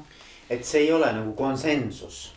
see ei ole konsensus jah, et konsensus oleks siis see, kus otsitakse seda, seda ideaalset lahendit. kõik on nõus. sa ei pea nõus olema, sa lihtsalt ütled, et see on piisav. see on piisav jah. et edasi minna. et see mulle ka hästi-hästi nagu väga meeldib see, et mm. -hmm. äh, iseküsimus on muidugi, et mida üldse nagu sa pead teistega koos arutama ja otsustama, on ju, see on, see on veel ekstra teema mm, -hmm. eks ju. Mhm. et mis on need asjad, mida ma võin lihtsalt ära otsustada mm, -hmm. et ma teen lihtsalt mm, -hmm. ma ei pea kellegagi arutama seda, kui ma tahan, ma arutan. kui ma ei taha, ma ei aruta ja. ja, ja et see on ka sotsiokraatias üks, üks põhimõte, et, et sellises otsustamise ringis osalevad ikkagi ainult need, kes seda otsust ellu viivad mis, mis on võib-olla noh, tulles vabaühenduste maailmast on hästi-hästi oluline aspekt mm. -hmm. vabaühenduste maailmas on, on palju organisatsioone, kus on noh, lisaks sellele tuumikmeeskonnale on siis veel inimesi seotud, et näiteks vabatahtlikke kasutatakse palju, et on ja liikmed, vabaühendustel on ju liikmed ja. ja siis on tihtipeale see küsimus, et noh, peaks ju nagu koos tegema, peaks ju kaasama mm, -hmm. aga noh kuidas sa kaasad niimoodi, et esi-, ühelt poolt kõik tunneksid ennast kaasatuna, aga teiselt poolt, et sa ei tegelekski ainult kaasamisega, et sa, et sa saaksid ka siis äh, midagi päriselt ära teha ja, ja mingeid samme nagu astuda. Äh, et minu arust sotsiokraatia raamistik aitab ka selles mõttes hästi äh, nagu selgelt kaasa, et, et mõista, et okei okay,, aga struktureerime oma organisatsiooni siis nii, et me teame, et, et millises rollis kes on ja, ja kes on need inimesed, kes siis otsustavad. aga et ei, ei teki mhm. seda olukorda, et, et ühed otsustavad, aga teised peavad tegema et ikkagi otsuseid mhm. teevad need, kes mhm. neid ellu viivad. aga näiteks, et kui ma olen sotsiokraatlikus organisatsioonis ja ma ei tea, minu roll on. ma ei tea, toitu teha. näiteks, eks ju, ma olen kokk, eks. kas ma pean kellegagi arutama seda, mis toitu ma täna teen või ma võin lihtsalt ise otsustada. et ma mõtlen nagu, et kust tuleb see piir, et ma pean nüüd seda teistega nagu koos. noh, et, et mm -hmm. nagu istume maha ja teeme ringi, arutame mm. -hmm. või et ma võin seda iseseisvalt, kuna mina teen süüa, keegi teine ei tee. kas ma võin ise otsustada või, või kus see, see, see, ma ei, üldse nagu ei taha praegu nagu lihtsustada seda, aga aga ma arvan, et see on nagu oluline, see on igas organisatsioonis väga erinev, et kust mm -hmm. jooksevad need piirid. et kui palju ja kellega ma asju arutan. jah, äh, see kokkuvõttes äh, taandubki kokkulepetele, et, et kust need mandaadi piirid jooksevad.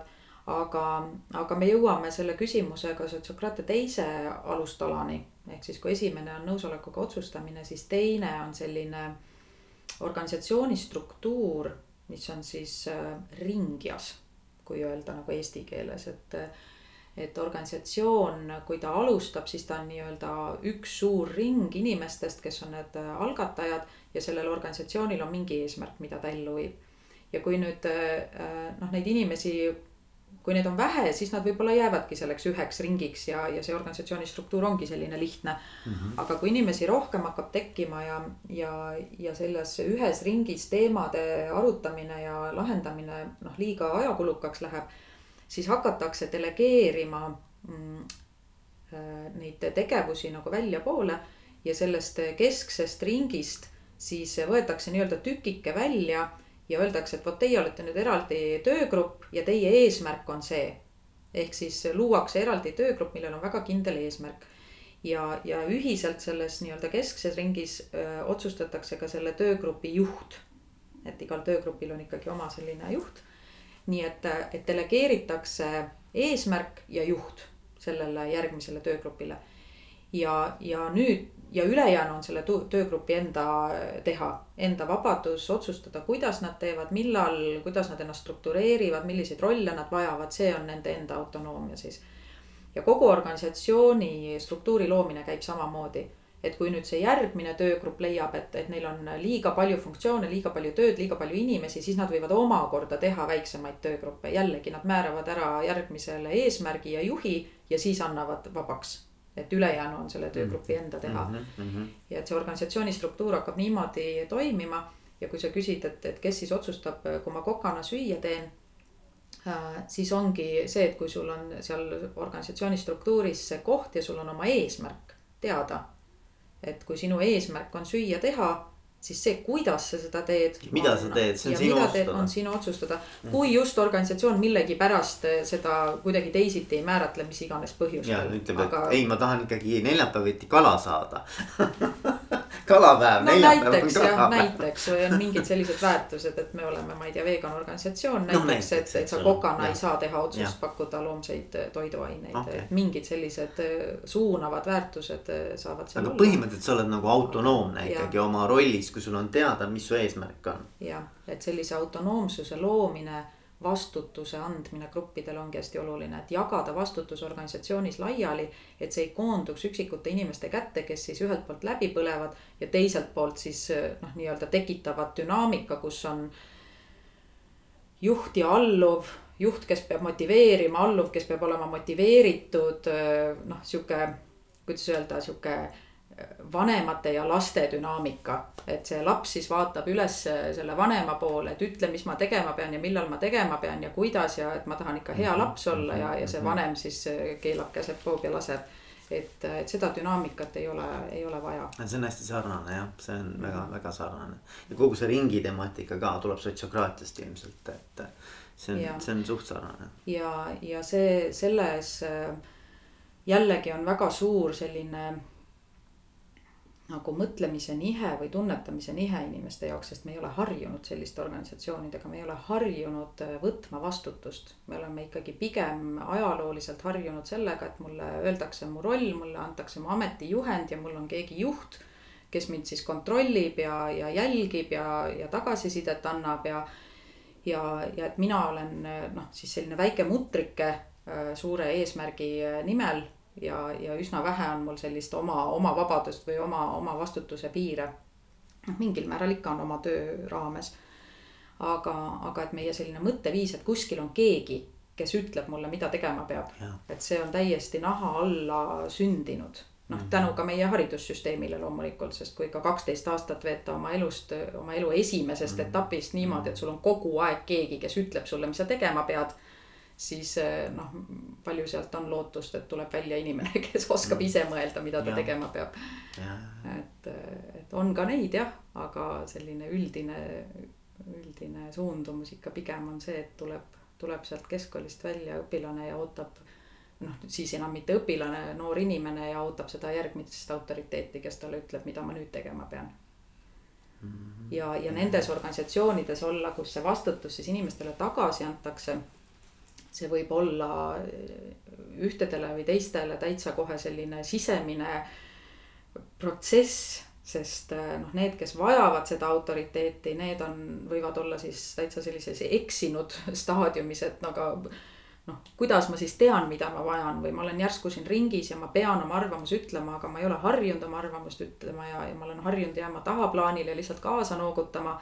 ja nüüd oodatakse, et ma iga te tehtava otsuse puhul ütlen oma arvamuse ja selgelt väljendan jah või ei.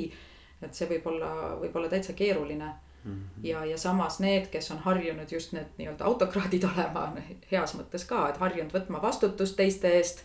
harjunud ütlema, et mina hoolitsen teie eest, kõik on hästi, ma tean, mida teha on vaja, et ka nemad siis õpiks ära, et sa tegelikult ei pea täiskasvanud ja. inimestele vanem olema. et ma ei ole mitte kellegi ema, ma ei ole mitte kellegi isa, me kõik oleme täiskasvanud inimesed ja, ja et ma juhina lasen ka lahti sellest äh, vajadusest vastutada kellegi eest, sest see on samamoodi mingi õpitud käitumine mm. -hmm. et, et ei ole vaja, me oleme täiskasvanud siin, et me võime lahti lasta oma sellistest programmidest, et kuskil on ema ja isa, kelle armastust ma pean ära teenima mm, -hmm. et ei pea ja mulle meeldib mõelda, et need on need juhid, kangelased nii-öelda noh, kangelase arhetüüp, et noh kuskil midagi nagu ei toimi, et siis noh, mina tean ja mina lahendan kohe ära selle asja.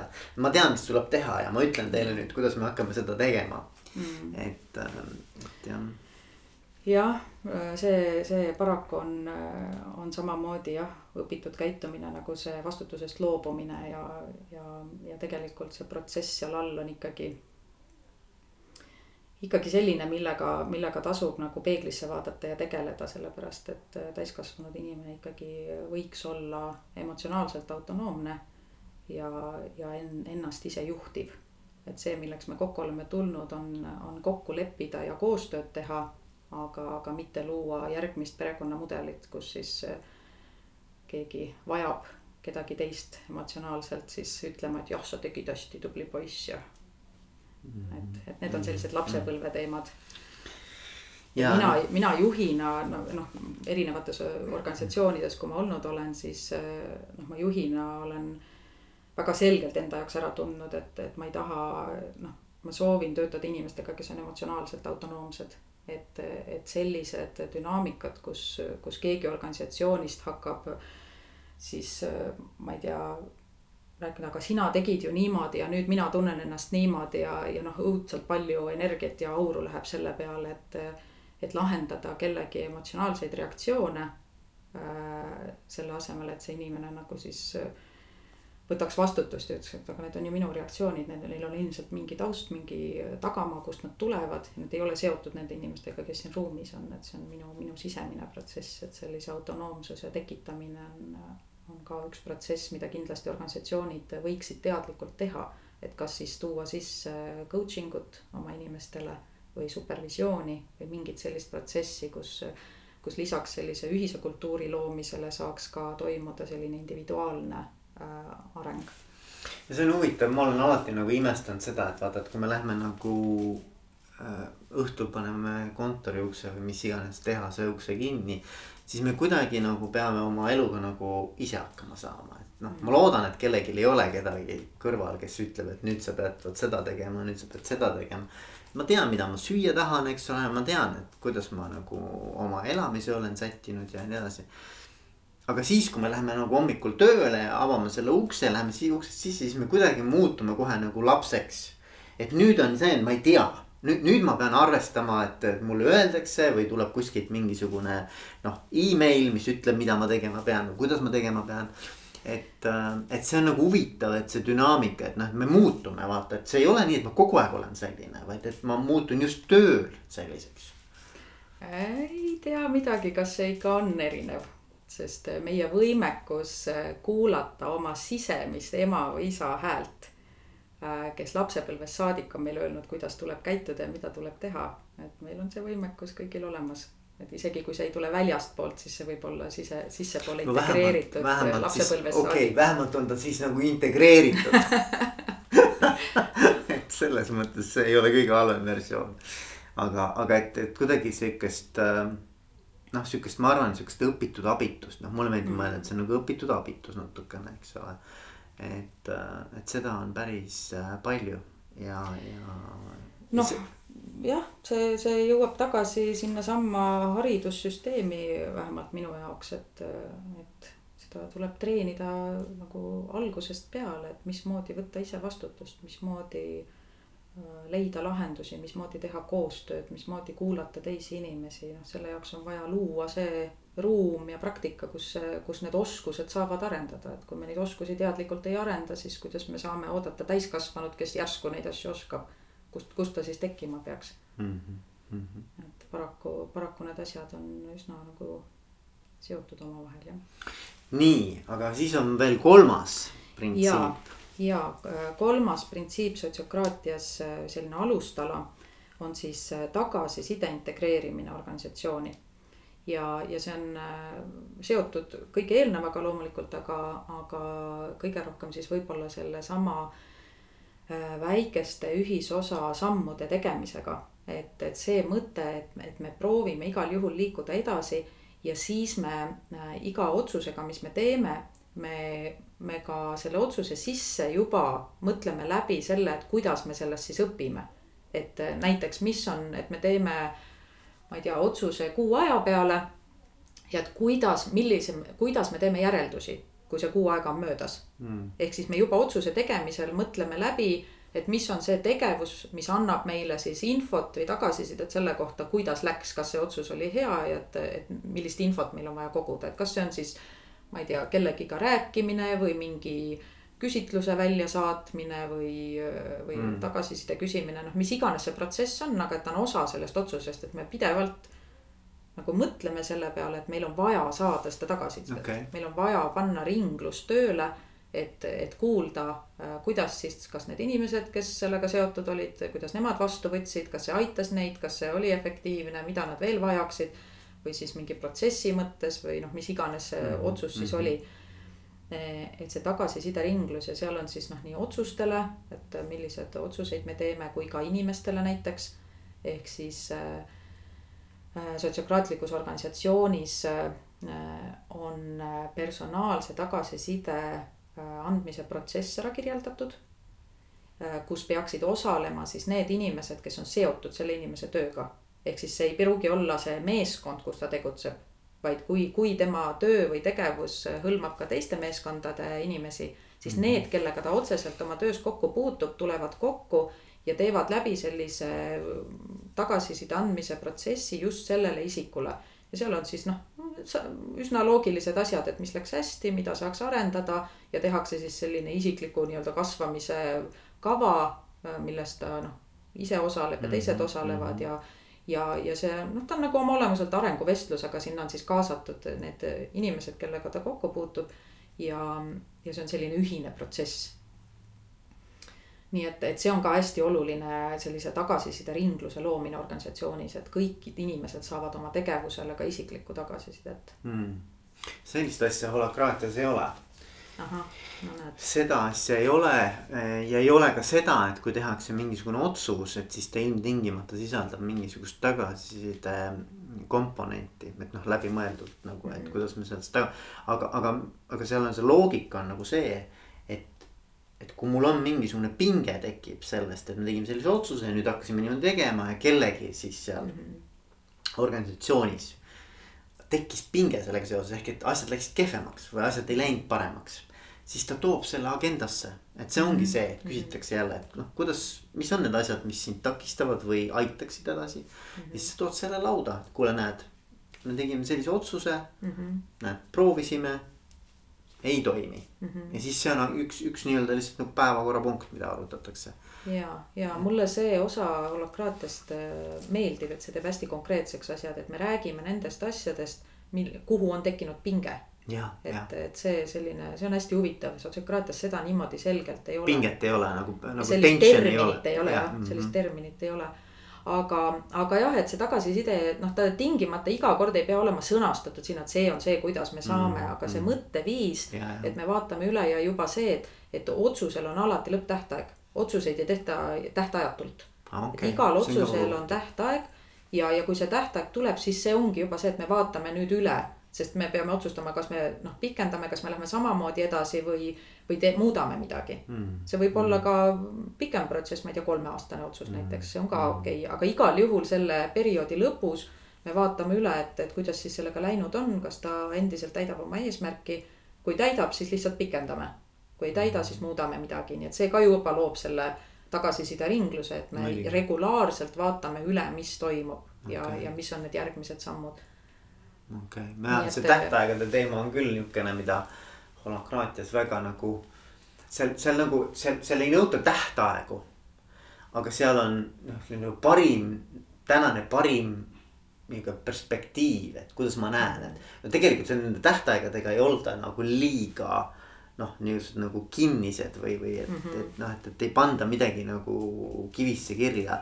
pigem on see selline noh, nagu kuna seal tahetaksegi, et iga kord, kui me kokku saame, me koosolekut peame, siis tegelikult nagu tuleb see ülesse, mis parasjagu just nagu kõige olulisem täna arutada on mm. -hmm. ja, ja sellepärast ei saa ka nagu neid noh, need tähtajad on, seal ei ole mõtet seda tähtaega panna, et millal me selle otsuse üle vaatame, kuna võib-olla homme juba mm -hmm. tuleb mul tunne, et see ei ole õige asi, eks ole. et noh, et ta on nagu Mm -hmm. ta, ta on nagu hästi voolav selles mõttes nagu siukene nagu selles hetkes me arutame nagu just mhm. seda, mis parasjagu kõige olulisem on ja. ja see tähtaeg ei pruugi olu, üldse oluline olla, mis me alguses panime. ja, ja, ja, ja see on ka noh, nagu see on ka see, mille pärast mina ei ole kuidagi kinni sotsiokraatias või, või ei ütle, et see nüüd on kõikide aegade kõige, kõige parem lahendus, et mina arvan, et iga organisatsioon peaks ikkagi vastavalt enda tingimustele, enda inimestele tegema sellise juhtimismudeli et mis see on, mida meie kasutame oma, oma juhtimises. sest äh, noh, sotsiokraatiat ma olen kogenud äh, kuna ma tulin nii-öelda tavapärasest juhtimismaailmast, siis minu jaoks oli see totaalne ohoo, ahaa, jess kogemus yeah.. Äh, isegi kui me tegelikult noh, nüüd tagantjärgi tarkusega teades me isegi ei integreerinud seda nagu noh, nii palju, kui oleks saanud või oleks võinud, noh, me ka alles õppisime ja harjutasime. aga siiski see oli juba nii nagu noh, mõtteviisi muutev ja, ja selline maha rahustav ja kuidagi noh, inimesi usaldama õpetav mm. noh, tohutult inimesi usaldama õpetanud, ma päriselt usaldan seda gruppi, ma usaldan seda protsessi ma usaldan neid inimesi ja, ja me lähme koos ja ma võin lihtsalt maha rahuneda, ma ei pea tõmblema, et jeerume nüüd, peame ikka sinna minema, kas me ikka lähme piisavalt kiiresti ja kas me ikka teeme õigeid asju, et nagu noh, rahune ja, ja, ja usalda seda ühistarkust, et hästi-hästi suur õppimine oli. aga siiski ma ei arva, et see on noh, nagu nüüd see lõpp-punkt, et, et ma arvan, et igal juhul tuleb tunnetada ja valida, võib-olla katsetada, proovida, öelda, et no ei, noh, võib-olla ei olnud see meie lemmik, et proovime midagi muud et igal juhul ikkagi jällegi kuulata seda ühistarkust, et mis, mida meie grupp teha tahab ja mis meile sobib. ja, ja, ja ma, ma arvan, et see on nagu nendesse mõnes mõttes nendesse mudelitesse sisse kirjutatud. et sa saad ju seda rolli, see rolli kokkuleppimine, sellest me ei rääkinud, aga, aga rolli kokkuleppimine on ju ka tegelikult täitsa omaette noh, protsess mm, -hmm. et noh, et, et, et ma võin selle leppida kokku, et sina oled sinu roll on olla minu ülemus ja minu roll on olla sinu alluv ja see on holakraatia mm. -hmm. ja, ja sina ütled mulle, mida ma tegema pean. ei, ei päriselt. kui kaks inimest on sellega nõus, siis on nende omavaheline kokkulepe. ja nii ongi ja, ja, ja me teeme niimoodi, et noh, selles mõttes ta on nagu hästi paindlik mõnes mõttes, me, me võime kokku leppida mida iganes, eks mm. Ole et kui see sobib ja see toimib ja me näeme, et see on kõigile kasulik, siis me võime ehitada niimoodi ka ülesse selle asja. et mm -hmm. aga, aga just, et ma, mulle meeldib ka see mõte, et, et iga organisatsioon peab nagu mhm. lähtuvalt oma kogukonnast ja oma nii-öelda klientidest ja kogu sellest äh, nii-öelda keskkonnast ja kontekstist lähtuvalt nagu üles ehitama täpselt sellise, äh, sellise organisatsiooni nagu neile sobib. ja, äh, aga noh, see selline nagu keskne keskne meetod siis või keskne nii-öelda töövõte, äh, mis minu jaoks on see nii-öelda must be. selleks, et üldse hakata äh, sellist organisatsiooni looma, kus inimesed koos loovad, on äh, ringi meetod mm. -hmm. et see ikkagi noh. see on see esimene me, printsiip, eks ole.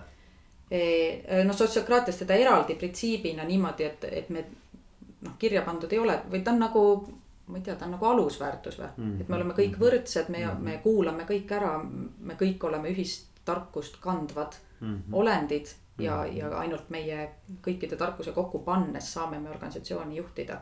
et on jah, selline nagu alusprintsiip. see on see jumalus, mis minus on ju igas ja, mehes. jah, et sellele ruumi andmine mm -hmm. tähendab seda, mhm. et me, me oleme ringis.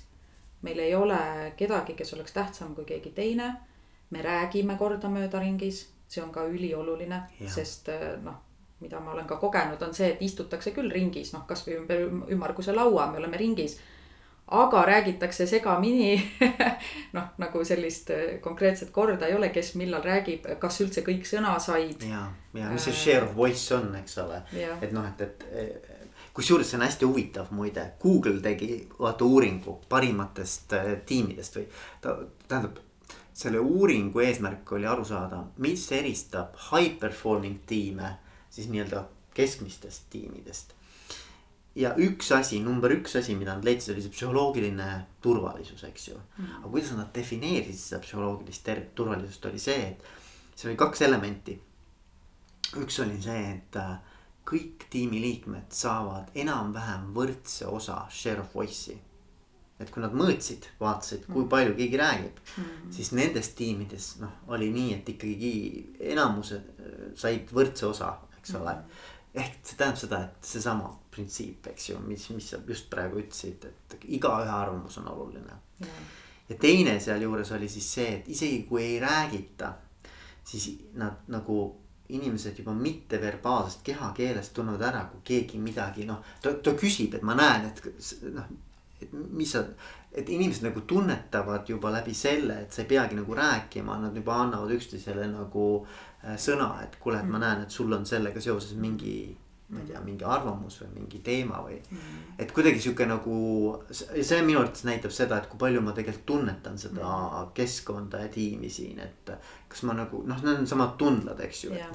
Et ma üldse hakkan tajuma. ja ma hakkan tajuma meeskonda. hakkan tajuma oma meeskonnakaaslasi inimestena, isiksustena, oma, oma arvamusega ja, ja ma võtan selle oma reaalsusesse.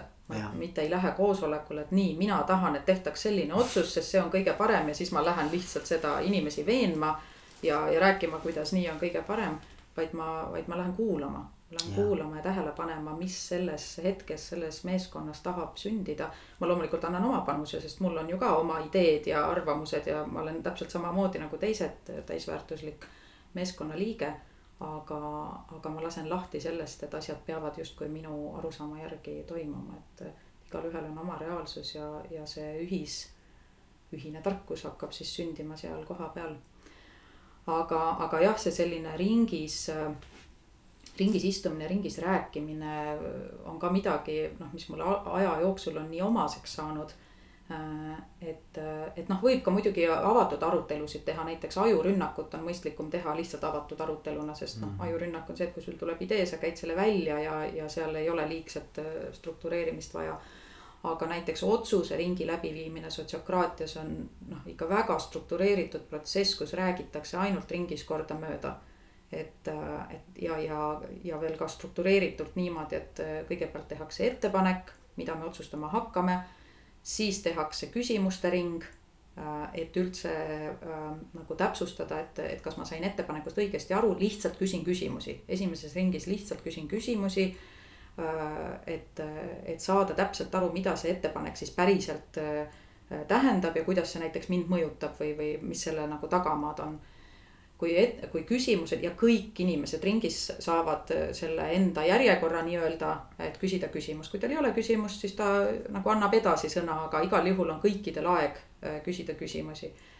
kui kõik on, saavad, saanud tunde, et nad on ettepanekust aru saanud, siis tuleb reaktsioonide ring, kus siis äh, samamoodi ringis saab igaüks oma arvamuse selle ettepaneku kohta öelda, et et mida siis tema, kuidas ta seda ettepanekut näeb, noh, see on nagu selline siis äh, juba, juba oma hinnangule või arvamuse andmine, mitte ainult lihtsalt küsimine, et, et kuidas talle tundub, et see ettepanek võiks siis äh, mõju omada või, või mis iganes tal, äh, mis reaktsioonid tal tekivad sellega. ja jällegi igaüks saab oma aja, et seda väljendada, absoluutselt igaüks, kui ta sellest loobub, see on tema otsus kui on kõik arvamused ära avaldatud, siis tuleb nõusoleku andmise ring või mitteandmise, ehk siis igaüks saab, ütleb jälle, et kas ta on nõus või ta esitab vastuväite. kuulatakse kõik ära ja, ja see nii-öelda läbiviija või see hõlbustaja siis kogub selle info kokku, vaatab, ahah, meid on kümme inimest ja näiteks kaks vastuväidet tuli siis järgmisena võetakse ükshaaval need vastuväited, et, et sa esitasid vastuväite, aitäh sulle selle eest, sest see on väga teretulnud, kuna see aitab meil ettepanekut paremini äh, veel, veel paremaks teha. kuigi me ei otsi ideaalset ettepanekut, aga lihtsalt selles hetkes mm -hmm. leida seda paremat ühisosa. et mis su vastuväide on, siis ta ütleb, mida ta ettepanekus tahaks muuta või miks ta tahaks muuta. ja, ja siis on seal jälle selline protsess kuidas need vastuväited kuulatakse ära. Ka neile esitatakse küsimusi ja reaktsioone ja, ja siis on olenevalt, mis see vastuväide oli, hakatakse seda integreerima sellesse ettepanekusse. ja, ja lõpptulemus on see, et seda ettepanekut võib-olla näiteks natuke sõnastatakse ümber. Võib-olla muudetakse tähtaega või pannakse lihtsalt tähtaeg Äh, võib-olla määratakse sinna mingi lisatingimus, et näiteks mingi ekspert peab olema kaasas või noh, ühesõnaga tõenäoliselt tahetakse seda ettepanekut teha kuidagi turvalisemaks. see on noh, kõige tavalisem, et mm. inimesed tunnevad, et see, see ei ole võib-olla nii turvaline, et teeme midagi, et see ettepanek tunduks mulle turvalisem. ja, ja see integreerimine toimub ära ja siis äh, sõnastatakse ettepanek uuesti, uuel kujul ja, ja tehakse siis see nõusoleku ring ja, ja lõpuks siis noh, ideaalis siis on, kõik annavad oma nõusoleku sellise ühisele edasimineku sammule. väga struktureeritud protsess, mis võib alguses tunduda selline noh, liiga palju, et, et miks me seda nii äh, nagu tehniliselt peame tegema. aga, aga jällegi, olles seda ise kogenud palju kordi, siis äh, ma võin öelda, et see teeb äh, otsustamise nii selgeks sa tead täpselt, mis hetkes me parasjagu oleme, millises etapis me parasjagu oleme. sa tead, et sa saad igal juhul küsida oma küsimused, sa saad igal juhul anda oma arvamuse. ja sa saad igal juhul osaleda otsuse tegemises. nii et sa ei pea kuhugi mhm. tõmblema, kiirustama, muretsema, kannatamatu olema. lihtsalt äh, teeme need ringid läbi ja meil on otsus, mis on tehtud ühiselt mis on ühiselt läbi mõtestatud, tunnetatud ja me kõik võime alla kirjutada, et jah, ma viin seda otsust täide mis tähendab seda, et me hiljem ei tegele. ma ei tea, ukse taga sellega, et issand, kui nõme, et miks nad sellist otsust tahtsid teha, noh, mis toimub sellise mm -hmm. enamuse hääletuse mm -hmm. puhul on ju, et alati jääb see väike grupp, kes ei olnud nõus ja siis mm -hmm. hakkavad vastu töötama või, või ignoreerivad või on lihtsalt passiivsed, on ju. et tohutu palju energiat säästetakse sellega, et, et me teeme struktureeritult läbi sellise ühise otsuse, millega me kõik nõus oleme. Ja see on, see on täpselt, ma isegi ütleks, see on siis järelikult sotsio, sotsiokraatias suhteliselt nii-öelda otse üle võetud holakraatias tehakse samamoodi. kuigi seal on kaks erinevat äh, otsustamise äh, koosolekut.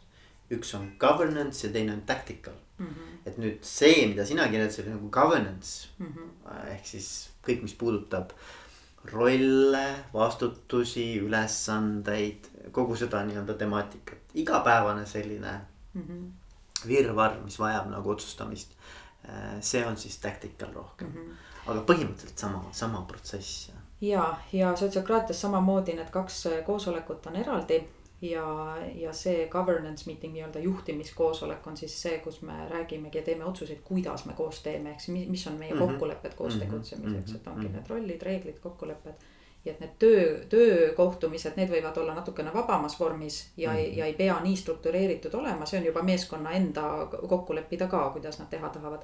aga mis mulle väga meeldib äh, just koosolekute läbiviimise efektiivsemaks tegemiseks on see, et igal ja see töötab mõlema koosoleku puhul, et igal koosoleku sellel teemapunktil on konkreetne eesmärk ja sotsiokraatia pakub siis kolm eesmärki, mis ma kahtlustan, et on sama holakraatiaga. ehk siis esiteks, kas ma lihtsalt tahan informeerida teid, teiseks, kas me tahame uurida mingit teemat ja mm, -hmm. ja sellest lähemalt teada saada või kolmandaks, me tahame otsust teha ja kui ma lähen koosolekule, kus ma tean päevakorda ja ma tean iga päevakorrapunkti juures, mis on see eesmärk. siis see teeb äh, koosoleku nii palju lihtsamaks ja kiiremaks ja selgemaks, et kui eesmärk on ainult informeerida, siis me tegelikult ei hakkagi aru- arutama üldse. Me ei hakka, sest see ei ole praegu eesmärk, ma lihtsalt annan teile info, te olete info kätte saanud.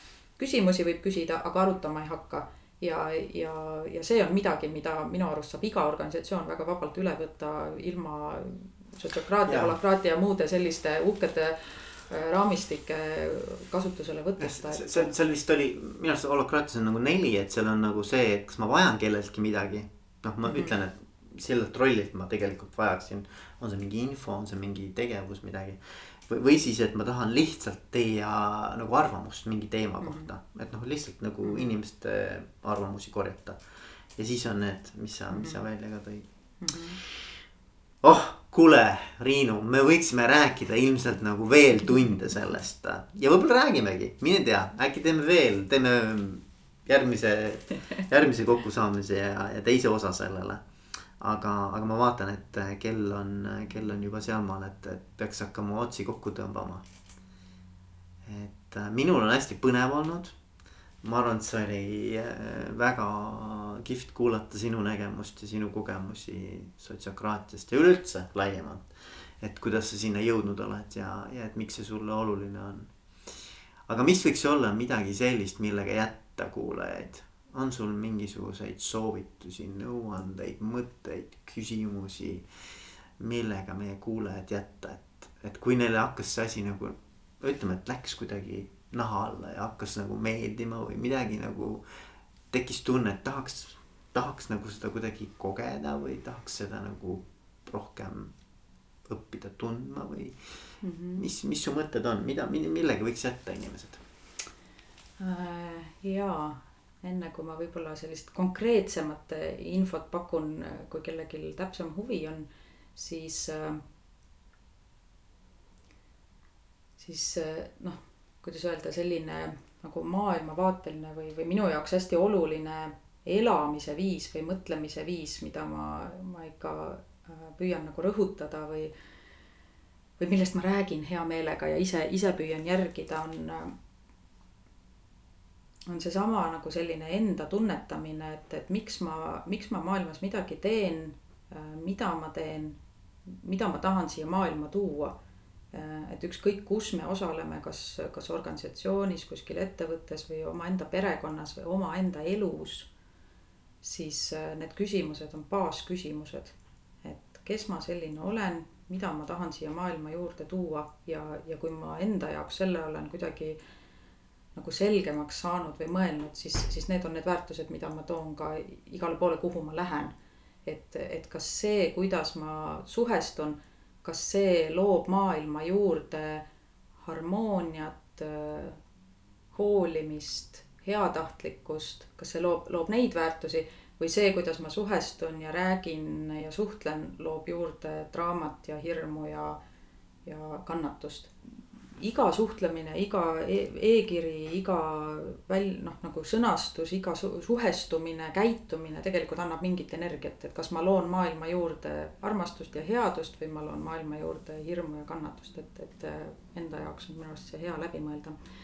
ja, ja konkreetsemalt äh, võin öelda, et mina tegutsen äh, organisatsioonis Eesti Ökokogukondade Ühendus, vähemalt selle ühistarkusega juhtimise teema raames ja, ja seal on meil selline õpi, õppeprogramm nagu Kaia Akadeemia.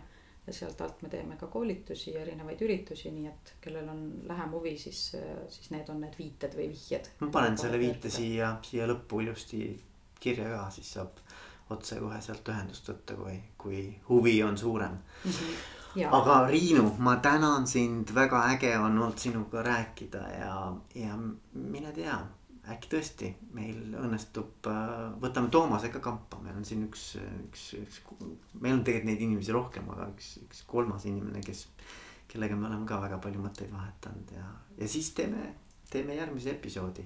räägime, räägime, iga kord on ju täiesti uus, uus päev ja uus äh, teemade ring, mis tuleb ülesse parasjagu siin selles hetkes igal juhul ja aitäh sind kutsumast ja, ja ühistarkusega juhtimise teema on midagi, mida me Eestis ju siin koostöös sinuga ka püüame nagu niimoodi luua äh,, nii infot levitada kui, kui koolitusi, kui praktikat luua, nii et ma usun, et siin juba mõne aja pärast on jälle midagi uut, millest rääkida ja aitäh sulle, Triinu. aitäh